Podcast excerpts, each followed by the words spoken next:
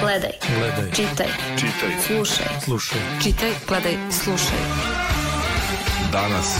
Danas podcast.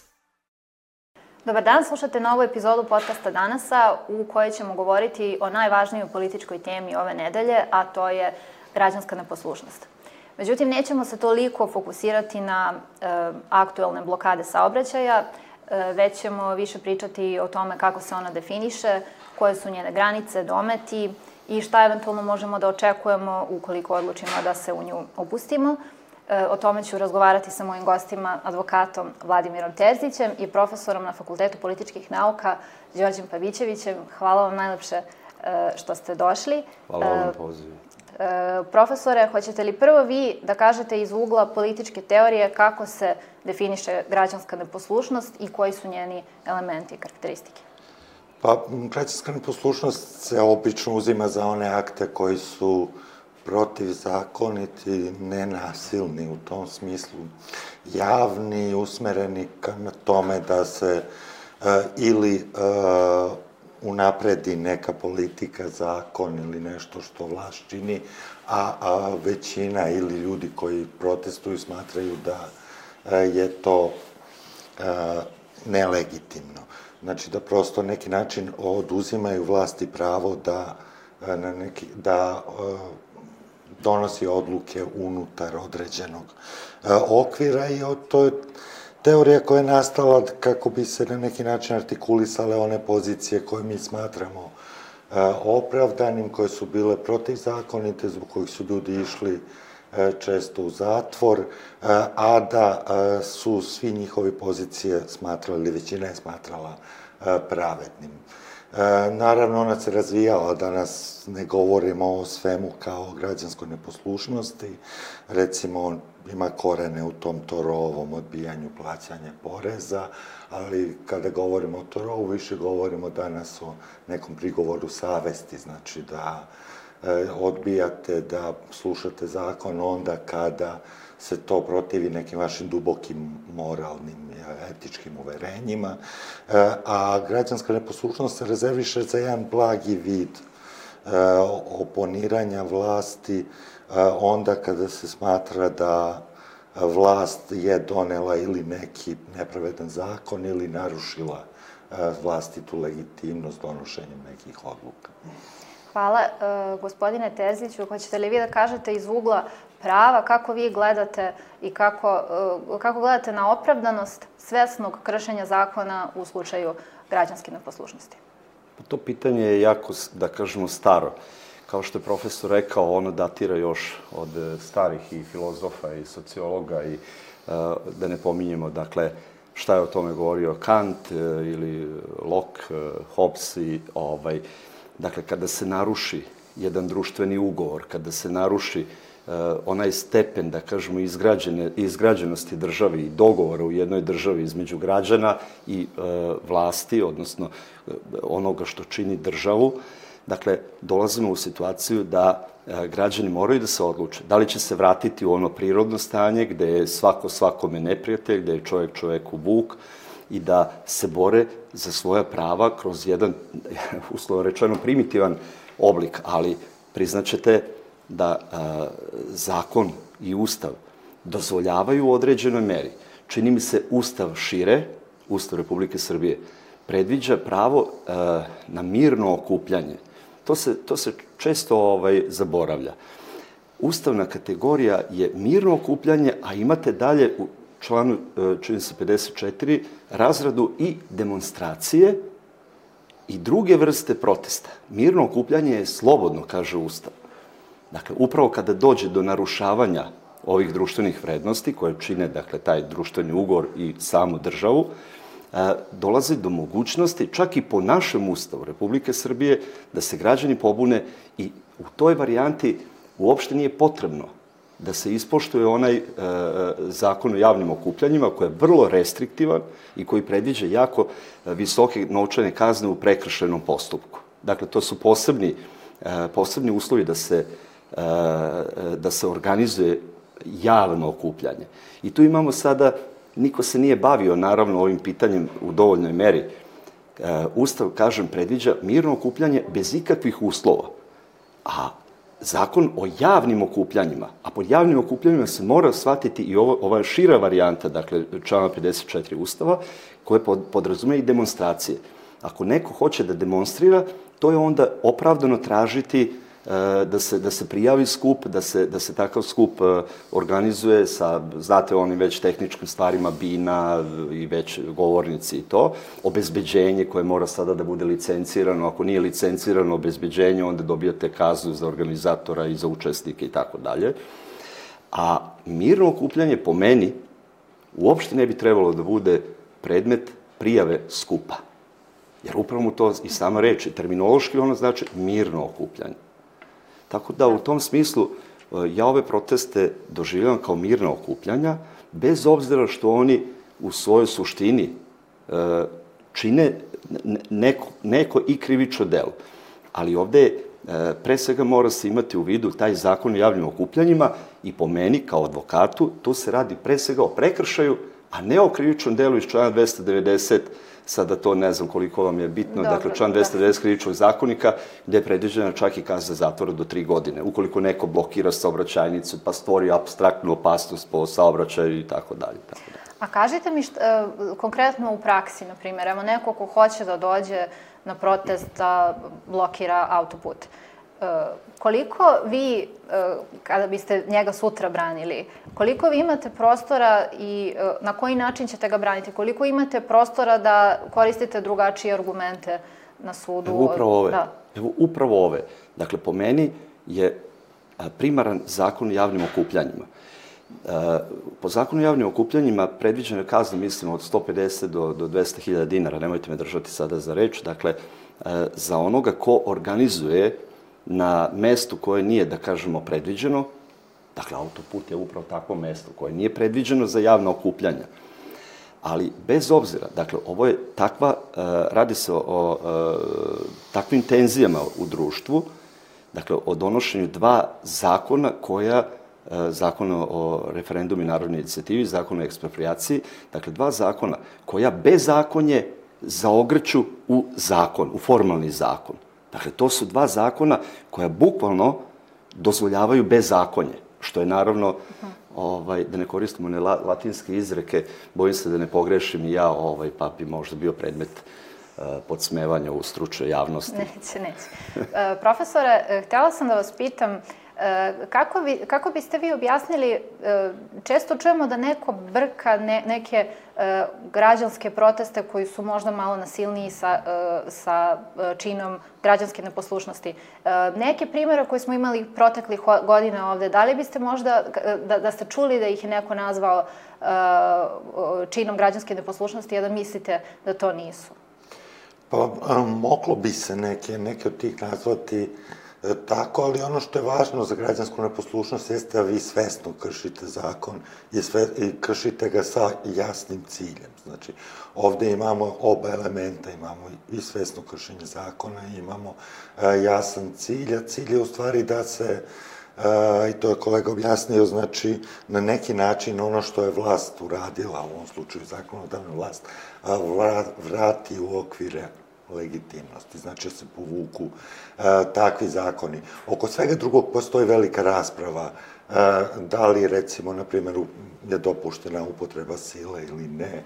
E, neki smatraju da e, nasilje nije uvek neopravdano e, kada je reč o građanskoj neposlušnosti, e, u tom smislu da neki efekti nikada ne mogu da se postignu bez makar simboličnog nasilja, ali o, o, svi se slažu da ga treba naravno e, izbegavati. I ono što je takođe e, sporno pitanje jeste da li vi kako se branite na sudu, da li onda prihvatate, to smo čuli recimo od, mislim, od predsednika kada je govorio da li onda se prihvatate kaznu za to, to nije potpuno tačno, postoje različite strategije, jer obično kod aktera građanske neposlušnosti i sam, samo suđenje postaje čin, takav čin.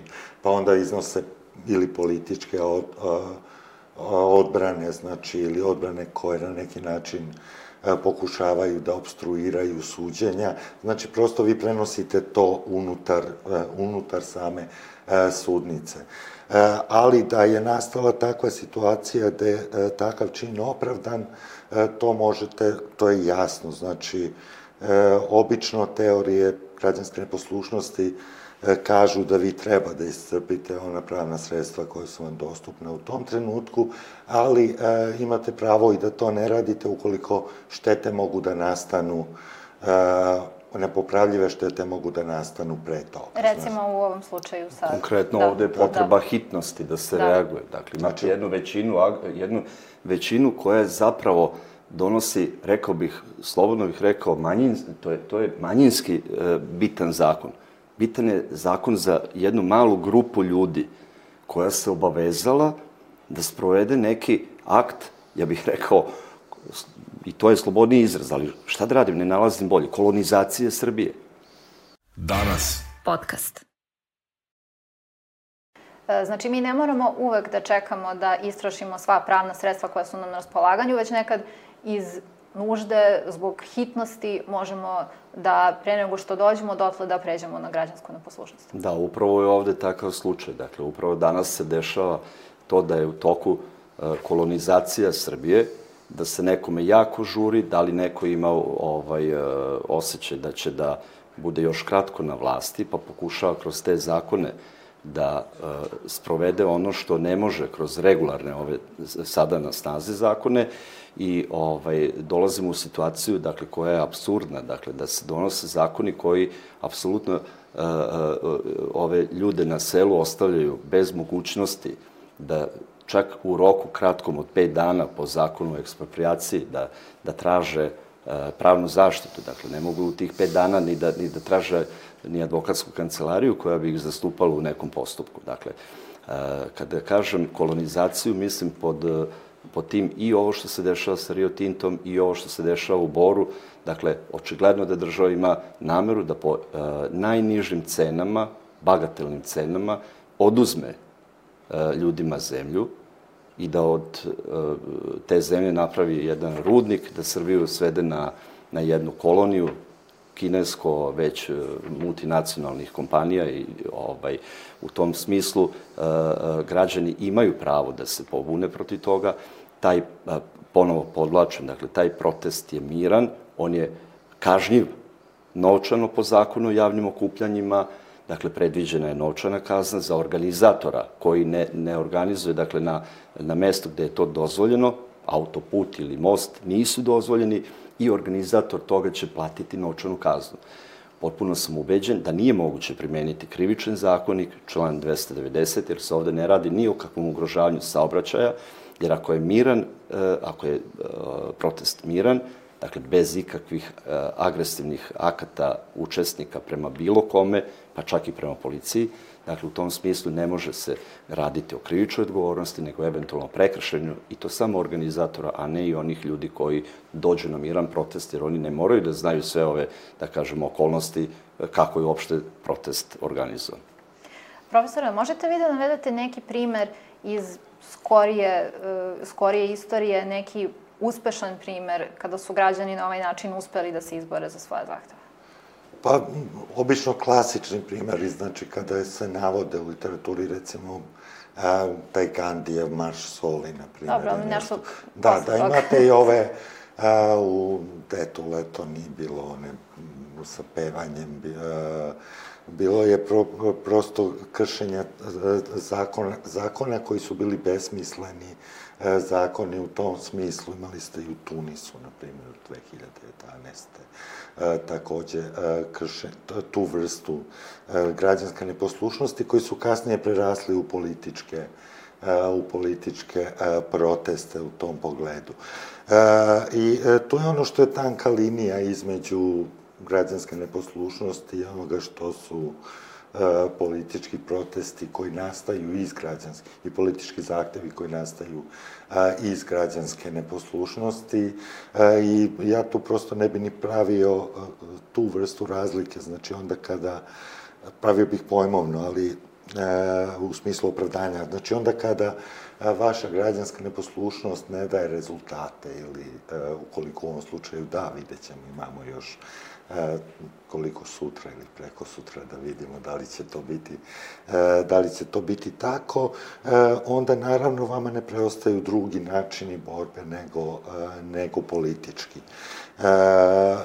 A, ono gde su, gde je napravljen ozbiljan proboj u ovom smislu, recimo, u kojem pominjete skorašnji, e, i u razumevanju građanske neposlušnosti, u širenju koncepta, su ovi ekološki protesti širom sveta, znači, koji postoje. E, znači, oni su e, išli toliko daleko da su legitimizovali u nekim slučajevima i uništavanje imovine. Znači, onda kada dođu bageri pred šumu ili kada počnu da seku, onda vi prosto nemate drugi način da to e, sprečite u tom trenutku e, ili e, marševi okupiranje različitih delova teritorija koje su oni pravili i većina tih protesta, u stvari, većina tih primjera građanske neposlušnosti jeste išla na sud, ali sudska praksa je u tom smislu bila bila različita. Vi ne možete kažnjavati ili ne možete masovno kažnjavati ljude za nešto što oni smatraju da je legitimna uzurpacija nečega što je, se smatra da jeste javni interes. A ovde u ovom zakonu čak je promenjeni koncept javnog interesa. Znači u jednom marginalnom zakonu to je marginalan, nije baš toliko marginalan, ali nije sistemski u tom pogledu, e, menjate šta može biti tretirano kao javni interes, pa onda univerzalizujete ono što je bio lex specialis u slučaju Beograda na vodi, a to je da na osnovu međudržavnog ugovora možete nešto da proglasite e, za javni interes. Vi ovde sad kažete e, da sve što je predmet međudržavnog e, ugovora može biti proglašeno za javni interes, a da onda faktički kompanije mogu da vrše ekspropriaciju. I to je nešto što je praksa koja je poprilično kolonijalna i mnogo više od toga. Kao, e, I e, ono što ja ne znam da li postoji negde u uporednoj praksi, e, a to je da e, se sada i javna imovina može biti predmet ekspropriacije. I to je taj, onda potpuni paradoks da privatna kompanija na osnovu toga što je nešto Skupština, na primjer, proglasila e, javni interes nešto između državnog ugovora, e, može, na primjer, da ekspropriše imovinu koja je državna ili javna imovina. Da, evo da pitam, evo znate? Inače, svesno je donet zakon koji je neustavan u, u jednoj kategoriji. Dakle, Ustav predviđa Uh, Ustav predviđa otkup, odnosno ekspropriaciju po tržišnoj vrednosti. A ovde se čak radi, dakle, u samom zakonu, se jed, jedan deo e, nepokretnosti, dakle ova koja je e, nije uknjižena, e, može se otkupiti, odnosno otkupljuje se po građevinskoj vrednosti. Dakle, čak potpuno su išli dotle da, da naravno to je dakle, toliko je jasno i lako utvrditi da to nije u skladu sa, sa Ustavom. Ustav nigde ne, ne razdvaja uh, van knjižnu i knjižnu svojinu. A predviđa samo uh, isplatu po tržišnim cenama, a ne po građanskim cenama. A u zakonu se uvodi za ovu uh, ovaj, nepokretnosti koje nisu uknjižene u katastru, uh, predviđa se, dakle, uh, građanska vrednost. Pazite, nešto u centru Beograda može da košta građevinski 1000 evra, dakle neka, neka potpuno ono, ono Dobre, na primjer, da, kao što je bilo u Beogradu na vodi, jeli, to im je otprilike, taj zakon im je trebao još tada, očigledno, jer bi mnogo lakše sproveli, ne bi morali da ruše u, pod fantomkama i pod okriljem noći i na silu, nego, nego bi učinili, uz, pa, dobro, upravo po ovom da zakonu bi uradili, na najlegalniji da. mogući način bi uradili ekspropriaciju, kaže ovo ne vredi, ovo vredi 100.000 evra, ono vredi realno milion ili dva. Znate, to je razlika između građanske i tržišne vrednosti. Vidite na šta oni računaju. Računaju da, je, da, je, da, je, da su svi građani Srbije kao većina glasača koje su oni uspeli da putem njihovih medija anesteziraju i da ljudi uopšte ne uključe mozak ni za sobstveni interes. Dakle, neće biti od opozicije ili od onih koji glasaju za opoziciju oduzimana ta zemlja i otimana, nego će biti od svih građana, dakle i od njihovih glasača. Samo će oni to kasno shvatiti, ako mi njih ne obavestimo i ne, ne razbudimo malo. U praksi to često može bude i ništa. E, zato što vi kad ne prihvatite ponudu koja vam je data, idete da, a, dalje u postupak koji može da se oteže beskonačno, ali to ne odlaže e, eksproprijaciju. E, znači, možete da vam neko oduzme nešto, a vi da se u nedogled e, tužite i da u stvari ne dobijete ništa za od... I onda Vrhovni kasacijni sud da zauzme stav da ko se dugo sudi, ne mora, ne mora mu se ništa isplatiti. Ne, očekujte i to. Danas. Podcast. Ja sam htela da kažem isto, kad sam vas pitala za neke konkretne primere, e, postoje sad neki komentari da je ovo e, prvi čin građanske neposlušnosti kod nas posle nekoliko decenija, pa sam, pošto postoje različita mišljenja, na primjer, jel vi smatrate da su julski protesti prošle godine, na primjer, bili građanska neposlušnost zbog toga što je u tom trenutku bila zabranjena, bilo zabranjeno okupljanje više od, ne znam, petoro, desetoro ljudi koliko? Pa Da, u tom pogledu jesu, ali ono što, e, i mnogo više čak, ja mislim, nego ovo sada. E, ovo sada... Ali su imali element nasilja, mislim. Pa imali su, da, ali to, to e, nisu bili oni nasilni po sebi, nije bio, e, znači nasilje nije upotrebljeno i ono je bilo incidentno u tom pogledu. E, kao deo dinamike onoga što se tamo događalo, ali zašto kažem da je bilo više, ono je imalo jasan cilj, ukidanje onih najavljenih mera koje su bile da. e, predviđene za prvi maj, tako, kada je to bilo. E, O, da, u jul, jul, jul, jul, da, u stvari bilo i pre toga, ono... U junu sve slobodno, u julu da, da, da, zatvaranje. Da, a bilo je i pre, za studente bilo pre toga. E, ovaj, i, e, e, za, ovi protesti su negde između e, građanske neposlušnosti i onoga što se naziva otpor, građanski otpor. Jedna i druga stvar su legitimne, samo što imate e, različite ciljeve. Vi, e, u ovoj fazi oni jesu deo građanske neposlušnosti zato što imaju taj cilj povlačenja zakona iz procedure, ali oni imaju i tu dimenziju otpora prema nepravednoj vlasti. Znači, vi ne kažete to što vlast radi jeste incident. Vlast u principu je demokratska, u načelu postupa po ustavu, pa vi sada je pogrešila i sad ćemo to da ispravimo. To su neki karakteristični slučajevi građanske neposlušnosti. Ali ovde se ne radi ni samo o tome. Po kantu.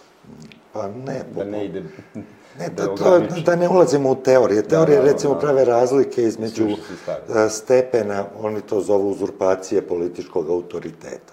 Znači, vi uz, prvi je taj a, prigovor savesti, da vi u stvari na neki način kao pojedinac odbijate da poštujete zakon, građanska neposlušnost je drugi po snazi, znači u tom smislu vi protestujete protiv nekog zakona, politike ili, e, ali smatrate da režim nije u principu nepravedan. E, ali e, kada smatrate i da je režim nepravedan, onda su to slučajevi i građanskog otpora, znači da, kada da. vi Dobro. pružate otpor režimu, ne samo određene... To sam tela da vas pitam, ali evo odgovorili ste unapred. Još jedan razlog zbog, zbog kog sam spomenula julske proteste jeste što je nešto što e, je zajedničko julskim protestima i ovim blokadama prošlog vikenda jeste nesrazmerno oštra reakcija e, policije, što smo videli na pojedinim e, snimcima na, na društvenim mrežama. Vi se ne slažete? Pa ne, ja sam bio u Šapcu na protestu, pa tamo nije bila da, reakcija. Da, nije tamo bilo policija, tamo je malo drugačije bilo, izvinite. Da. Tamo je bilo tek ne, da. tamo je država prilike, predala se i predala neke prerogative koje se tiču upotrebe sile i monopola te da. fizičke sile, predala je u uh, ruke partijske jedne male vojske koja je naoružena motkama i gumenim čekićima nasrnula na građane koji u rukama nisu imali ništa. Dakle, da. zbog toga je malo različito od toga što ste... Dobro, da, uh, mislim, možete i to da prokomentarišete naravno, ali ja sam evo sad htela da vas pitam, uh, šta je to što konkretno, evo sad, e, kada se dešavaju ove blokade e, puteva, e, šta je to što policija sme da uradi? Šta je srazmerno, srazmerno upotreba sile za ono što građani radi? Pa, ako mene pitate, dakle, protest ili to mirno okupljanje, ja ponovo se vraćam na, na, na, na taj termin mirno da. okupljanje, jer tu zaista nema potrebe da bilo ko, dakle, dovoljan je to izraz bunta kada se neko okupi i kada blokira nešto da bi ukazao na, na problem koji je e, u najavi ili je već stupio na, na, na, na scenu. E, dakle, u, u tom smislu, policija je ovlašćena samo da legitimiše te ljude i da podnese adekvatne prijave, i to pre svega prekršenu prijavu protiv, ponovo ponavljam, protiv organizatora. Jer zašto biste, e, to je protest, odnosno mirno okupljanje ograničenog dometa od 14 do 15 časova. I ako je neko e, e, zablokirao neki put ili most na sat vremena, potpuno je jasno da će se u 15.01 skloniti sa mosta. Zašto biste ga u 15 do, do, do, do 3 e, gumenim palicama policija sklanjala ili već hapsila, podneće prijave, one prijave koje, koje ovaj, budu podnesene, one će biti procesuirane i ljudi prihvataju taj rizik. Dakle, ljudi koji izađu na taj na, taj, na to mirno okupljanje. Oni prihvataju da budu upisani i da odgovaraju za svoj čin. Jer je cena mnogo veća na drugoj strani. Na drugoj strani je cena upravo ono o čemu smo malo prerazgovarali otimanje imovine, jedna potpuna pravna nesigurnost koja je već u dobroj meri nastupila u Srbiji, ali sa ovim zakonom i sa onim ustavnim promenama koje oni hoće da izvrše, gde će e, čitavo pravosuđe da padne u ruke nekolicini ljudi koji nemojte sumnjati da će biti partijski ljudi, iako se tamo radi o istaknutim pravnicima ili već da sad ne ulazimo dublje u temu. E, dakle, imaćete situaciju da potpuno uh, poklope sve elemente u jednoj državi, dakle sve grane vlasti, sve tri. Čini mi se kao da, da su se žalili najviše na ovu zakonodavnu, koju zovu, ne znam, žutom ili već, mada i to nije istina, znate, e, tu se još ovaj, izdešavalo svega i svačega. Dakle, čini mi se samo da je to, ovaj, odgovor, da je to da. odgovor, dakle, yes. da. Profesor, e, profesor, šta vi kažete na ovo, ili se slažete? Za policiju reagovanje, prosto u svetu, tu kažemo, je različito policija, čak oni koji idu u građansku neposlušnost, oni e, ulaze u sukobu sa policijom, recimo, ne znam, ekološki aktivisti, razni drugi aktivisti. E, ono što jeste poenta kod građanske neposlušnosti jeste skretanje pažnje javnosti na problem koji vi imate i traženje odobravanja javnosti za ono što vi hoćete. Znači, vi, vi prosto tražite javnu podršku e, na neki način i e, onda koristite neka sredstva koja su, ajde da kažemo, u granici i ne izbijanja širih nemira, recimo, ili incidenta, ali kršenjem kršenjem zakona. Vi smatrate da nemate ništa drugo, ništa drugo vam nije ostalo, nego da e, kršenjem zakonom, zakona to, e, to uradite. E, I u tom pogledu ono što policija ovde radi je čudno. U slučaju, recimo, ako brani ono što jeste poredak, onda ona bi trebalo neki način da e, interveniše i ukoliko smatra da jesu zaista u pravu u tom e, pogledu, da e, sve od onoga što e, rade, u stvari jeste ustavno zakonito. E, ali, e, i to je rizik koji preuzima i država i e, oni koji da. su akteri građanske, građanske neposlušnosti. Jer građanske neposlušnosti mogu biti ponekad i sulude, a budemo tu pošteni. Znači, ljudi su e, iz najrazličitijih razloga praktikovali, e, praktikovali građansku neposlušnost. E, ovo je rizična akcija koju vi izvodite smatrajući da ste u pravu i da ćete za to dobiti javnu podršku, kao i država sa druge strane. I čini mi se država s druge strane se ne ponaša kao da je uverena da je u pravu, znači oni su intervenisali ja imam utisak u Šapcu ne zato što a, je to bila građanska neposlušnost, nego zato što a, je bilo potrebno da prođu aktivisti SNS-a i da dođu tamo na skupštinu, jer prosto treba demonstrirati tu vrstu moći koju vi želite javno da, da demonstrirate, ali ono što isto neobično je demonstrirate ne preko državnih službi, nego nekih ne znamo šta su. Svi ti, policije. Svi ti, svi ti ljudi. I kada bi ovo bila normalna država, kao što nije, bilo, bilo bi do nekle, kažem, i normalno da, da vi s jedne strane imate tu napetost između policije i onih koji su građanski neposlušni. Ali bi i ti koji su građanski neposlušni, s druge strane, bili sigurni da će dobiti onaj tretman koji u stvari dobijaju u državama koje nisu, koje poštuju pravo u tom pogledu. I evo za kraj samo sam htela da, da pitam, evo na primjer vas, kako izgleda tretman građana kad, kada budu privedeni, samo ako možete da nas provedete kroz taj proces za one koje zanima.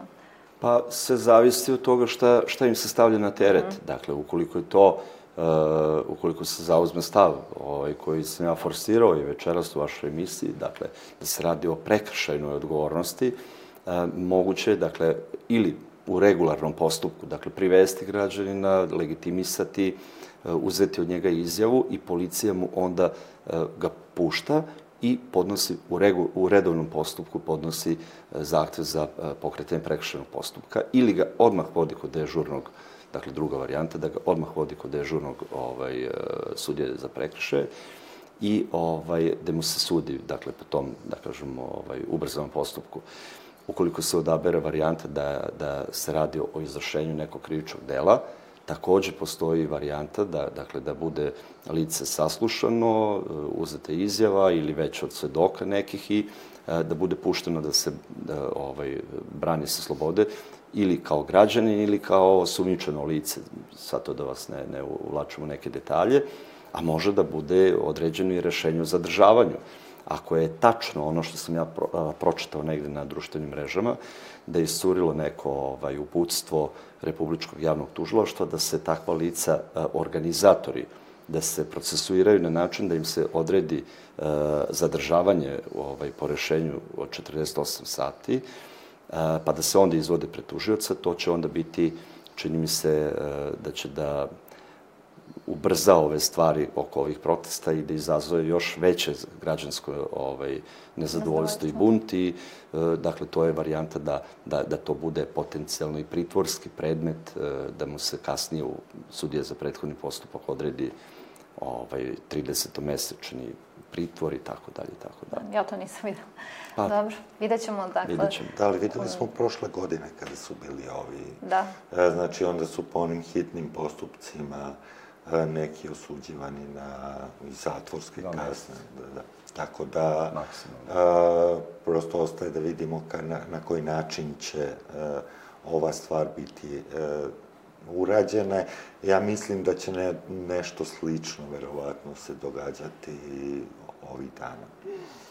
Dobro, hvala vam najlepše što ste govorili za podcast danas. A čuli ste uh, profesora uh, Đorđe Pavićevića i advokata Vladimira Terzića. Moje ime je Selena Kusorić i slušamo se sledeće nedelje. Gledaj. Gledaj. Čitaj. Čitaj. Slušaj. Slušaj. Čitaj, gledaj, slušaj. Danas. Danas podcast.